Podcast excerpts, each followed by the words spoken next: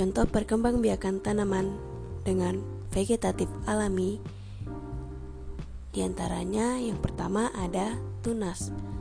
Tunas adalah tumbuhan baru yang tumbuh dekat dengan pohon induknya. Contohnya nanas, bambu, pisang, dan lain-lain.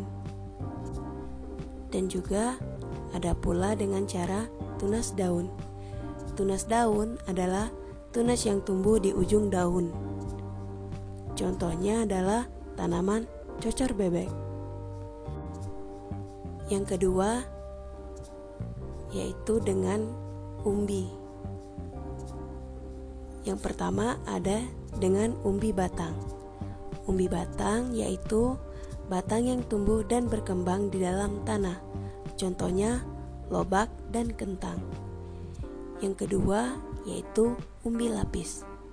Umbi lapis terbentuk dari tumpukan daun yang tersusun rapi dan rapat. Contoh umbi lapis adalah bawang merah dan bunga bakung. Dan yang ketiga yaitu umbi akar. Umbi akar adalah akar yang berkembang dan membesar karena berisi cadangan makanan. Contohnya singkong dan wortel. Yang ketiga yaitu dengan spora. Perkembangbiakan tanaman juga dapat dilakukan dengan spora.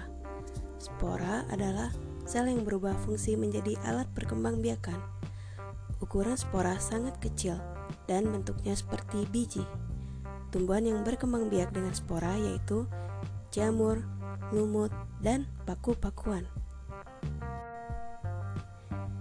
Dan yang keempat ada akar tinggal atau rizoma. Rizoma adalah batang yang seluruhnya berada dan tumbuh di atas permukaan tanah.